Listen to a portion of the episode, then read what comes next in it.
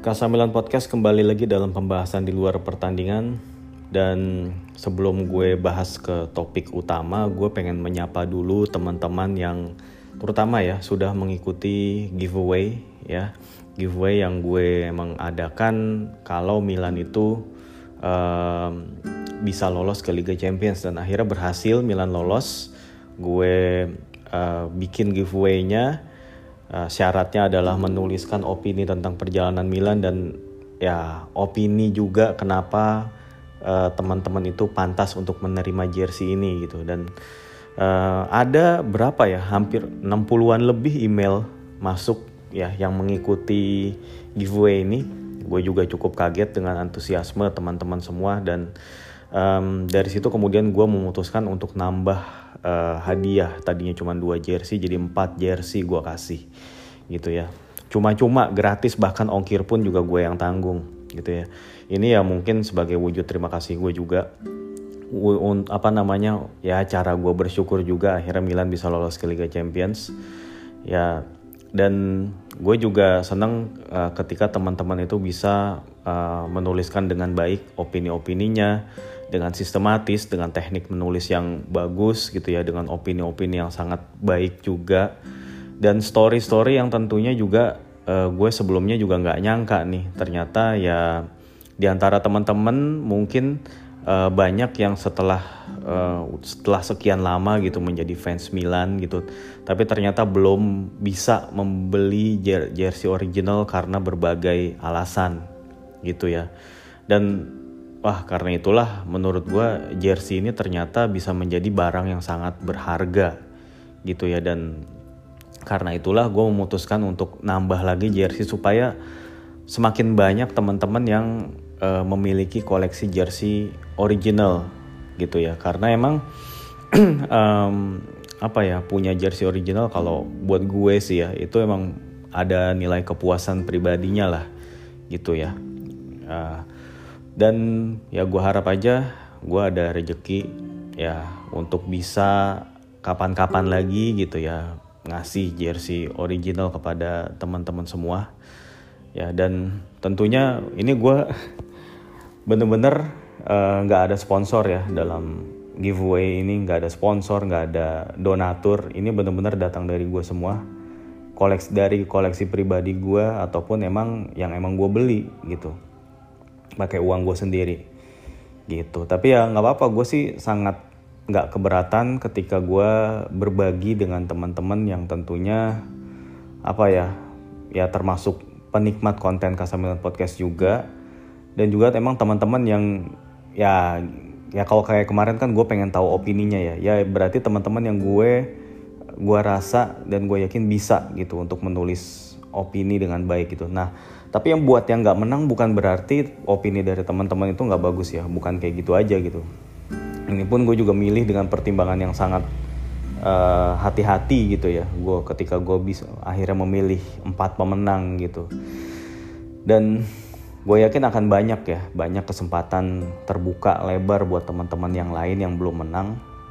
Ya terus follow aja Kasamilan Podcast, terus dengerin uh, apa namanya podcast ini sekaligus juga ya pantau aja timeline di Twitter dan oh ya karena Kasamilan Podcast ini juga ada emailnya ya ada email. Jadi kalau emang ada teman-teman yang mau ngasih kritik saran masukan atau usulan apa pun lah gitu ya kepada Kasamilan, Kasamilan Podcast itu bisa dialamatkan ke email kasamilanpod at gmail.com ya silakan. Feel free aja karena banyak juga ternyata dari teman-teman dari email-email yang gue baca ini kayaknya emang teman-teman itu kayak butuh ini aja butuh tempat gitu butuh sesuatu untuk dicurahkan gitu. Opini-opini unek-unek apa pun ya silakan aja.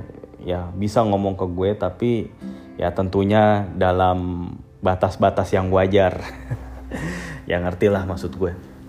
Terus um, gue juga sebenarnya beberapa kali ngebuka kesempatan buat teman-teman uh, berkomentar, beropini dalam uh, Twitter Space gitu ya. Beberapa kali gue uh, istilahnya open mic ya, open mic dalam uh, open ya dalam Twitter Space gitu. Jadi siapa pun di sini gue nggak nggak membatasi teman-teman sejauh ini ya untuk yang um, apa namanya mau beropini di Twitter Space yang gue adakan gitu ya. Ya tentunya dalam sekali lagi dalam batas-batas kewajaran gitu ya yang kondusif, yang positif gitu, yang ya yang enak-enak aja lah gitu, yang asik-asik aja gitu. Dan tentunya pembahasannya juga pastinya menarik juga, diskusinya hidup gitu ya. Dan gue sih seneng sih gue dapet banyak ilmu juga karena uh, dari Twitter Space yang gue juga adakan ya ternyata banyak yang yang pada bagus-bagus analisisnya gitu. Yang jago-jago gitu yang lebih paham dari gue banyak banget lah gitu. Jadinya gue bisa dibilang gue sambil belajar juga gitu. Nah by the way sorry nih intronya jadi kelamaan 5 menit sendiri buat intro kayak gini tapi ya it's a it's an honor maksud gue untuk bisa berkolaborasi dan bisa uh, langsung mendengar dari teman-teman semua gitu tentang pengalaman kalian mendukung Milan gitu ya nah sekarang ke bahasan bahasan utama ya tentunya setelah musim berakhir uh, akan sibuk dengan Mercato. Nah, Mercato ini masih belum kelar, masih belum bahkan bukan belum kelar ya, bahkan belum dimulai gitu. Tapi kita sebagaimana tahu ya dunia sepak bola Eropa khususnya klub-klub Italia itu begitu turbulence gitu, begitu banyak banget perubahan. Ya baru selesai musim uh, Gianluigi Donnarumma nggak dibilang nggak memperpanjang kontrak gitu. Dan akhirnya Milan melalui Paolo Maldini itu memutuskan nggak mau terlalu menunggu lama Gigio Donnarumma dan membiarkan uh, saga ini menggerogoti um, ya hal-hal bagus yang akan dibangun gitu. Jadinya langkah tegas diambil Donnarumma ditinggalin. Milan mengontrak uh, seorang kiper yang baru saja merayakan gelar juaranya bersama Lille di Liga Prancis yaitu Mike Maignan ya nyebutnya harus kayak gitu. Karena ejaan Prancis itu nggak dibaca Maignan atau Mainyan gitu. Tapi dibacanya kalau menurut yang gue tanya di Twitter juga ya Mike Maignan gitu ya. Emang nyebutnya kayak begitulah gitu. Jadi si Mike Maignan ini baru didatangin dari Lille dengan harga 13 juta plus 2 juta bonus ya, 15 juta totalnya dari Lille. Ya dengan gaji uh, ada yang bilang dua setengah juta ada yang bilang juga 3 juta dan dikontrak sampai tahun 2026 selama lima tahun. Mike Maignan ini uh, berusia 25 tahun, tapi bulan depan bulan Juli akan berusia eh, uh, 26 tahun. Ya, dia memiliki tinggi badan 191 cm dan kalau dari sisi statistik dia sangat bagus. Dia memimpin daftar perolehan clean sheet di 5 liga top Eropa ya dia juga kebobolan paling sedikit di Liga Prancis gitu. Jadi kalau dari statistik yang soal itu oke okay banget lah. Tapi kan ya menilai kiper nggak cuma dari statistik tidak kebobolan atau clean sheet atau bahkan save percentage ya karena itu tidak menggambarkan seluruh kualitas. Ya nanti akan dibahas lagi gitu. selain dari Mike Menyong ini ada juga pemberitaan banyak sekali klub yang berganti pelatih dari mulai Andrea Pirlo akan dipecat oleh Juve dan Massimiliano Allegri akan masuk menggantikan dia. Uh, pas, pas pada saat podcast ini di take uh, belum ada official announcement tapi ini cuman kayak menunggu waktu ya. Lalu kemudian Antonio Conte yang secara mengejutkan mundur dari Inter ya dengan skema mutual termination. Dia dapat bayaran 7,5 juta euro. Gajinya dia 12 juta euro biasanya dia dapat mutual termination. Um, ya akibat ketidaksepahaman dengan manajemen jadi manajemen Inter Suning itu uh, meminta Conte itu untuk menjual pemain ya dan mendapatkan uh, nilai transfer. Gue lupa ya nilai transfer atau gain ya 80 juta euro gitu untuk bisa menyehatkan keuangan. Termasuk juga menurunkan biaya gaji 10 sampai 20 persen. Ya tentunya syarat itu tidak diterima oleh Conte karena dia pengen ya tim yang dia buat ini dia tetap bisa pakai bahkan bisa ditambah kekuatannya itu kalau kalau kata dia gitu ya. Emang Conte begitu terus sih. Jadi ingat waktu dia di Juve kan uh, dia resign gara-gara uh, tidak dituruti permintaannya merekrut Juan Iturbe ya kalau gue nggak salah inget Juan Iturbe men gitu dan ya udah akhirnya Inter kabarnya dengan perginya Conte ada Simone Inzaghi yang kabarnya akan siap merapat. Ya dan Lazio jadinya kosong kabarnya antara Sinisa Mihailovic atau Walter Mazzari atau siapa pun belum ada banyak berita lagi. Napoli kabarnya akan merekrut Luciano Spalletti mantan pelatih Inter. Uh, Fiorentina sudah punya Gattuso AS Roma sudah punya Jose Mourinho ya jadi uh, oh ya pelatih Sassuolo De Zerbi juga udah pindah ke Shakhtar Donetsk. Tinggal uh, Sassuolo ini siapa pelatihnya? Kabarnya Vincenzo Italiano itu bakal bagus banget. Nah sekarang ya berarti tinggal Milan dan Atalanta sih klub papan atas yang pelatihnya masih real, masih sama gitu masih nggak ganti jadi ya nanti akan dilanjut dengan preview Serie A kapan-kapan lah. Ntar kalau mungkin skuadnya udah mulai komplit bisa baru ketahuan peta kekuatannya ya. Kalau sekarang sih masih sangat-sangat terlalu dini gitu untuk membuat preview Serie A. Dan balik lagi ke uh, Mike Mignon ya. Jadi Mike Mignon ini kalau gue baca-baca storynya tentang dia itu dia lahir di kota uh, Cayenne. Gue nggak tahu bacanya gimana Cayenne tulisannya. Itu adalah sebuah kota ya tepatnya itu adalah ibu kota dari French Guiana, Guyana Perancis. Itu adalah sebuah wilayah yang adanya di Amerika Selatan, tapi di bagian atasnya tuh di dekat-dekat sama uh, Suriname, ya dekat-dekat sama pokoknya di atas lah tuh yang di utara. Ya dekat-dekat sama apa apa aja sih di situ. Yang paling utara kan kalau nggak salah Venezuela, di bawahnya Venezuela, Kolombia ya. Sebelahnya Venezuela itu kan ada negara-negara kayak Suriname dan uh, French Guyana dan juga Guyana. ada Guyana juga kalau nggak salah. Gitu ada Guyana, ada French Guyana, ada si uh, Suriname. kalau nah si Mike Maignan ini lahir di French Guyana dari seorang uh, bapak yang berkebangsaan Prancis dan ibunya dia orang Haiti ya kabarnya malah ini masih unconfirmed sih. Dia itu nggak pernah mengenal bapaknya ya. Jadi dia dibesarkan oleh ibunya yang single parent punya dua adik perempuan dan punya saudara dua saudara laki-laki yang baru kemudian dia tahu keberadaannya pas dia udah dewasa gitu. Kalau gue nggak ini ya ini juga masih unconfirmed gitu ya. Gue emang suka sih baca baca cerita-cerita kayak gini yang di luar bola gitu ya buat ini aja lah buat variasi buat tambahan pengetahuan aja lah ya. Nah terus uh, Mike Mignon itu kabarnya dia waktu baru masih kecil-kecil banget lah awalnya dia nggak tertarik sama sepak bola. Dan hingga kemudian di usia dia yang uh, masih empat tahun ya kalau gue nggak salah ya. Uh, dia kan lahirnya tahun 96 ya 96 kan 96 pas usia dia empat tahun itu ada Euro 2000 Nah, Euro 2000 itu waktu itu dia beli McDonald's, McD. Ya, hadiahnya itu kayak bola bola yang bentuknya tapi bukan bola yang dari karet, bola yang dari foam apa-apa gitu ya. Pokoknya bola lah ya. Bola buat anak kecil gitu yang logo Euro 2000. Nah, dari situlah dia mulai main tuh. Main sampai ya macam-macam perabotan di rumahnya dan itu akhirnya dia mem, dia menemukan minatnya di dunia sepak bola di situ. Hingga akhirnya dia uh, pindah ke Perancis. Bergabung dengan sebuah klub lokal gue lupa namanya apa. Sampai kemudian dia bergabung di tahun 2013 dengan klub akademi PSG Paris Saint Germain ya di PSG ini dia mendapatkan ilmu sepak bola yang emang dia butuhkan gitu. PSG juga saat itu emang sedang bangkit ngebangun ya ya, dapat suntikan dari uh, Nasir Al Khelaifi gitu ya. Itu kan uh, jadi klub kaya baru gitu ya. Nah terus hanya butuh dua musim buat dia tahun 2015 untuk mendapatkan kontrak personal eh personal profesional di PSG ya. Akhirnya dia tembus ke tim inti.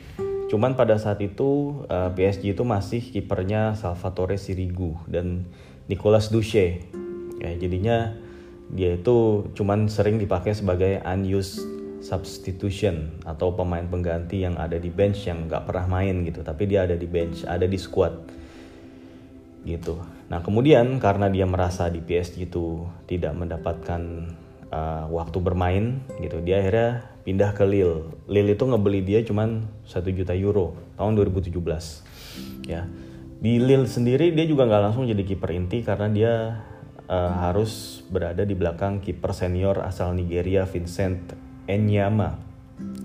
Pada akhirnya kesempatan dia dapetin bermain saat Vincent Enyama di sebuah pertandingan lawan Rene mendapatkan kartu merah dan akhirnya pelatih memasukkan Mike Maignan dalam debut Liga Prancis dan hebatnya dalam sebuah pertandingan debut tersebut first touchnya Mike Maignan adalah berhasil menahan tendangan penalti pemain yang namanya Paul Entep ya itu berhasil dia gagalkan penaltinya dan sejak saat itu Mike Maignan jadi pilihan utamanya Lille.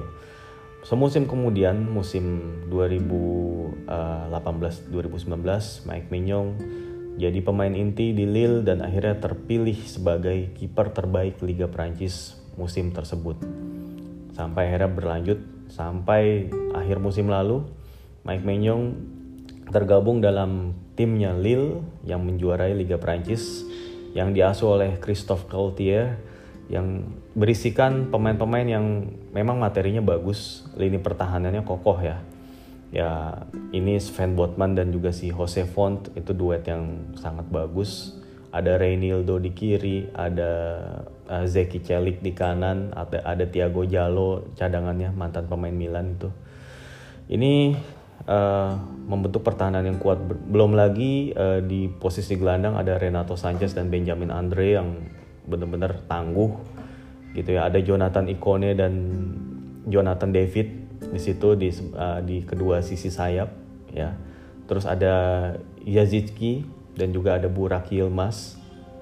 Nah, itu emang skuad yang sangat-sangat bagus buat uh, Lille dan akhirnya secara kolektif Mike Mignon membuat Lille itu uh, menjadi tim pertahanan yang kokoh gitu ya.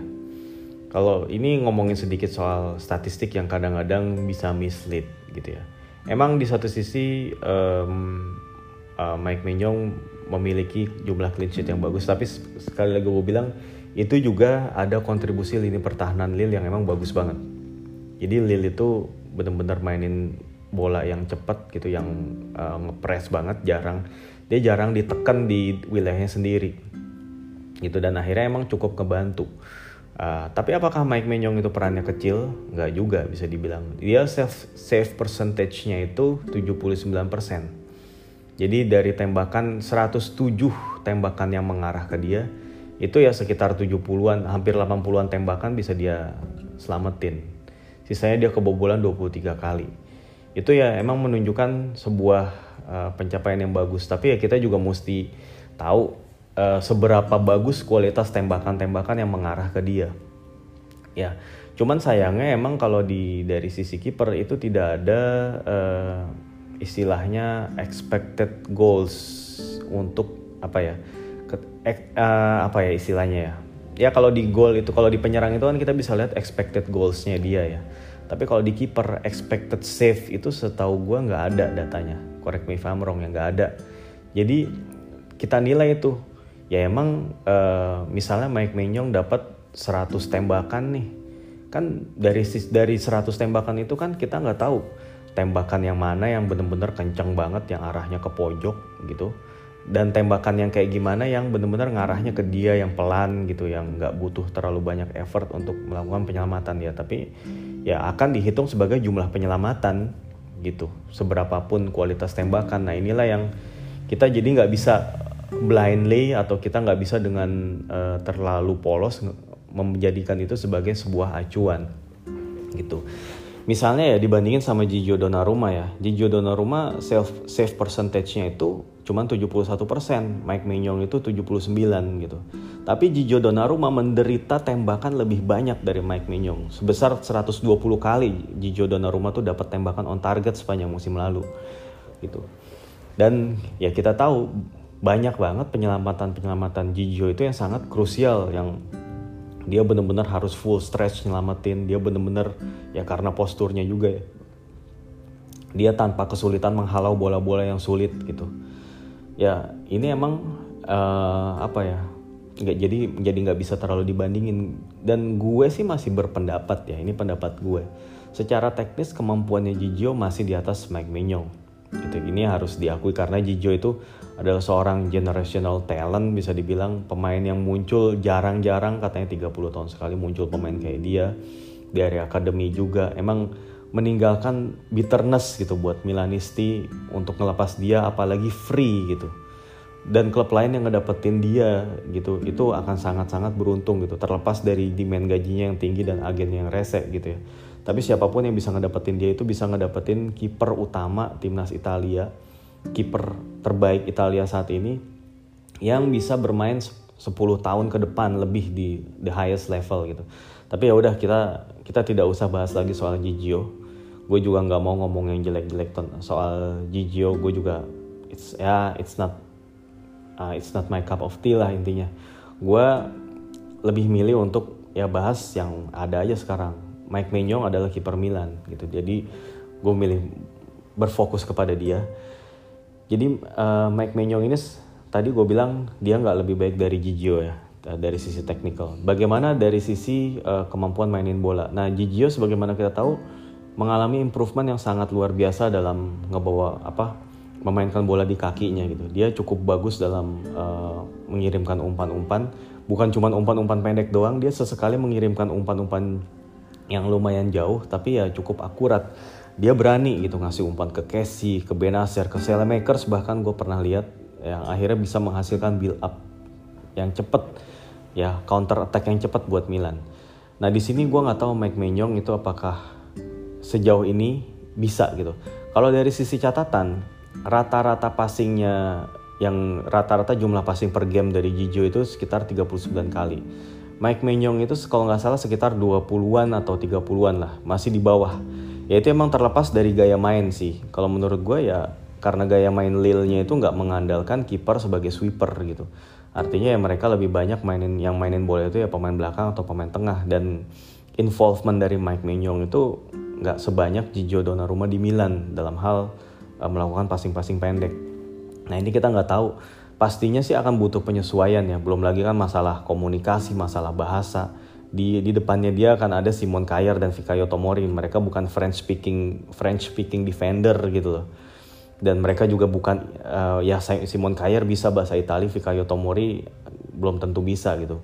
Nah, ya masalah komunikasi ini harus benar-benar di resolve segera lah dengan cara si Mike Mignon ini uh, belajar bahasa Italia dengan cepat gitu. Tapi sepertinya tidak perlu khawatir kalau gue juga baca dari sebuah cerita dia gitu ya. Ya, yang kalau nggak salah nama websitenya sportiva.com atau apa gitu.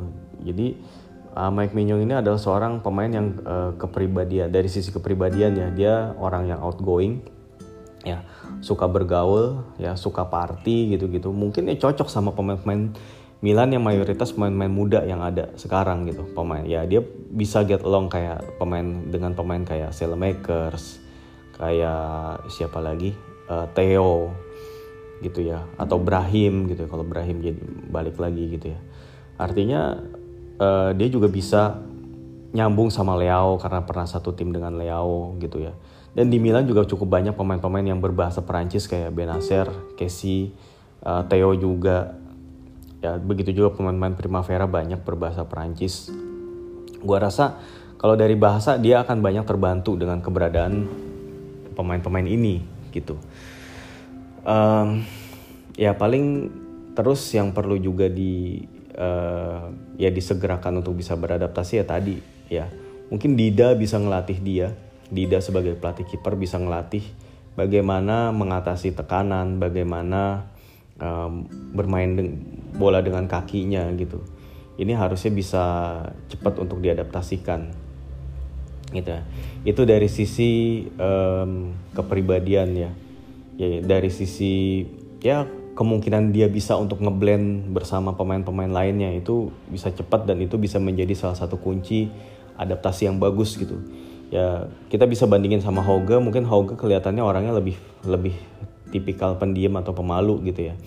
Jadi mungkin Hoga itu nggak terlalu banyak involve atau dalam social life gitu bersama teman-teman gitu nggak terlalu inilah gitu ya. Kalau Hoga ini yang mungkin juga bisa jadi alasan kenapa Hoga ini uh, cukup lama proses adaptasinya gitu. Tapi kalau Mike Menyong gue gua nggak ngelihat ada problem itu sih. Oh ya Menyong juga dia adalah bisa dibilang kiper masa depan Prancis. Saat ini kan kiper Prancis itu kan Hugo Lloris ya. Tapi ya Hugo Lloris juga udah cukup senior umurnya. Jadi rasanya akan diberikan estafet kepada dia setelah eranya selesai.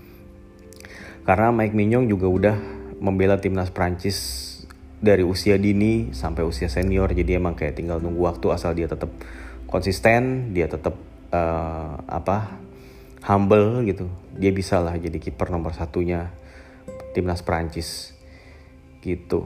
Nah selain itu uh, dari sisi finansial nih gue sempat ngebandingin kan ya. Mike Mignon itu gajinya tadi antara dua setengah sampai 3 juta transfernya itu taruhlah 15 juta. Jadi total biaya yang dikeluarin oleh Mike apa Milan terhadap Mike Mignon adalah 15 juta ditambah total gaji. Taruhlah tiga, gaji plus bonus lah 3 juta kali 5 15 ya 15 tambah 15 3, 30 juta euro doang dan itu di spread selama 5 tahun.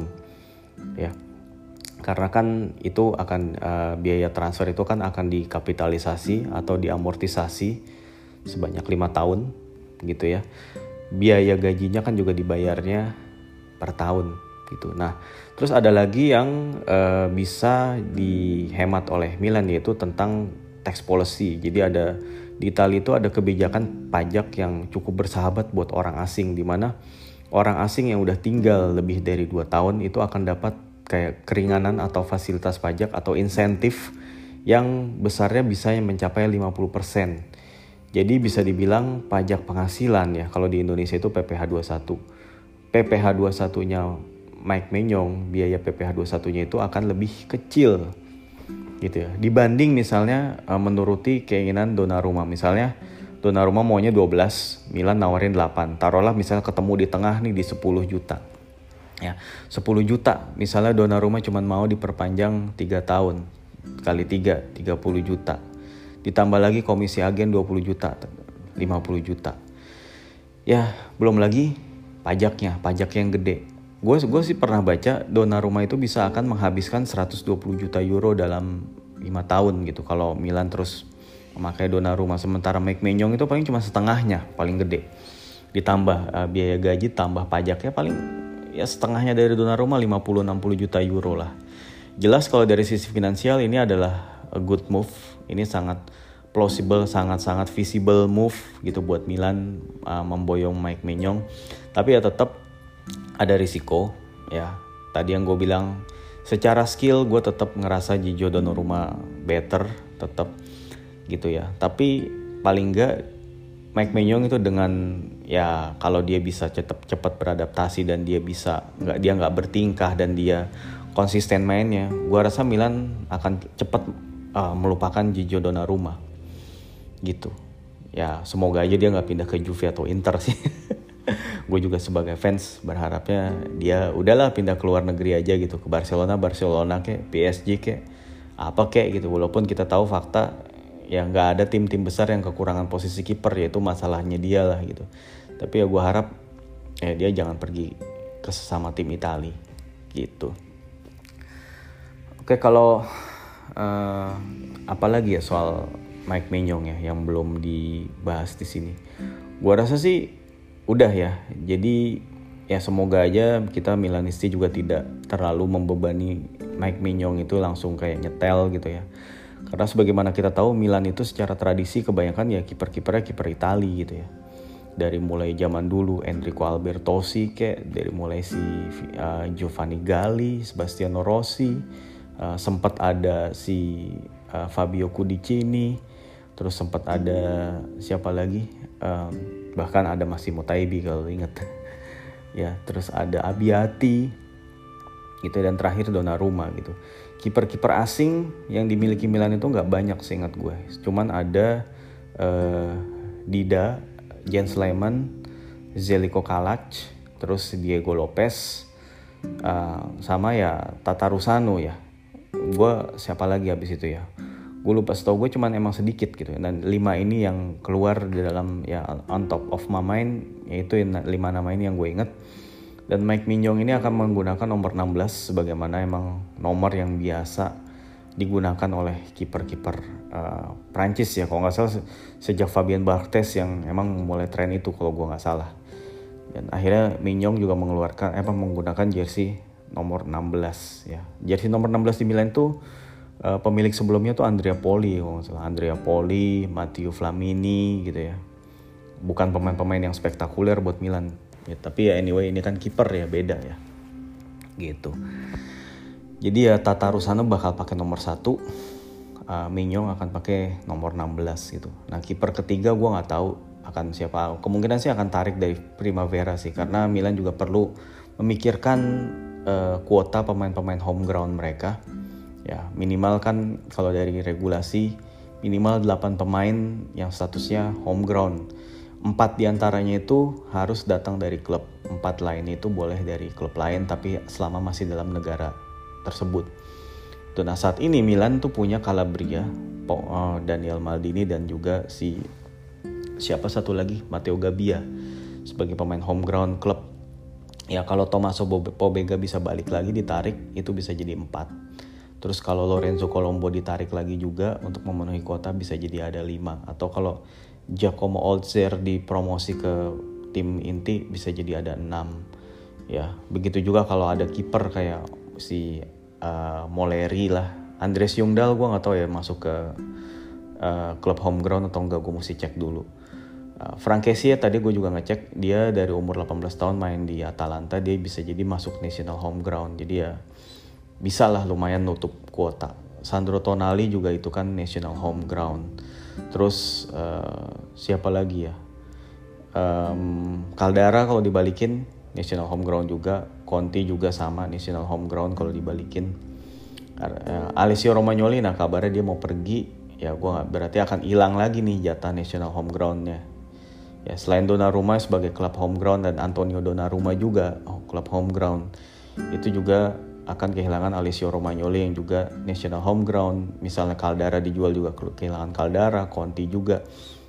Ya, artinya perekrutan pemain ini juga gua rasa ya Maldini Masara ya aware lah, fully aware lah. Mereka butuh uh, memenuhi kuota pemain-pemain home ground dulu terus kemudian baru dengan preferensi mereka pemain-pemain yang uh, dari negara-negara lain gitu yang bisa cocok sama skemanya Stefano Pioli. Oke, uh, eh, gue rasa sih uh, itu dulu yang mau gue sampaikan dalam episode baru uh, tentang Mike Mignon ini. Sampai jumpa lagi dalam episode-episode selanjutnya. Ciao.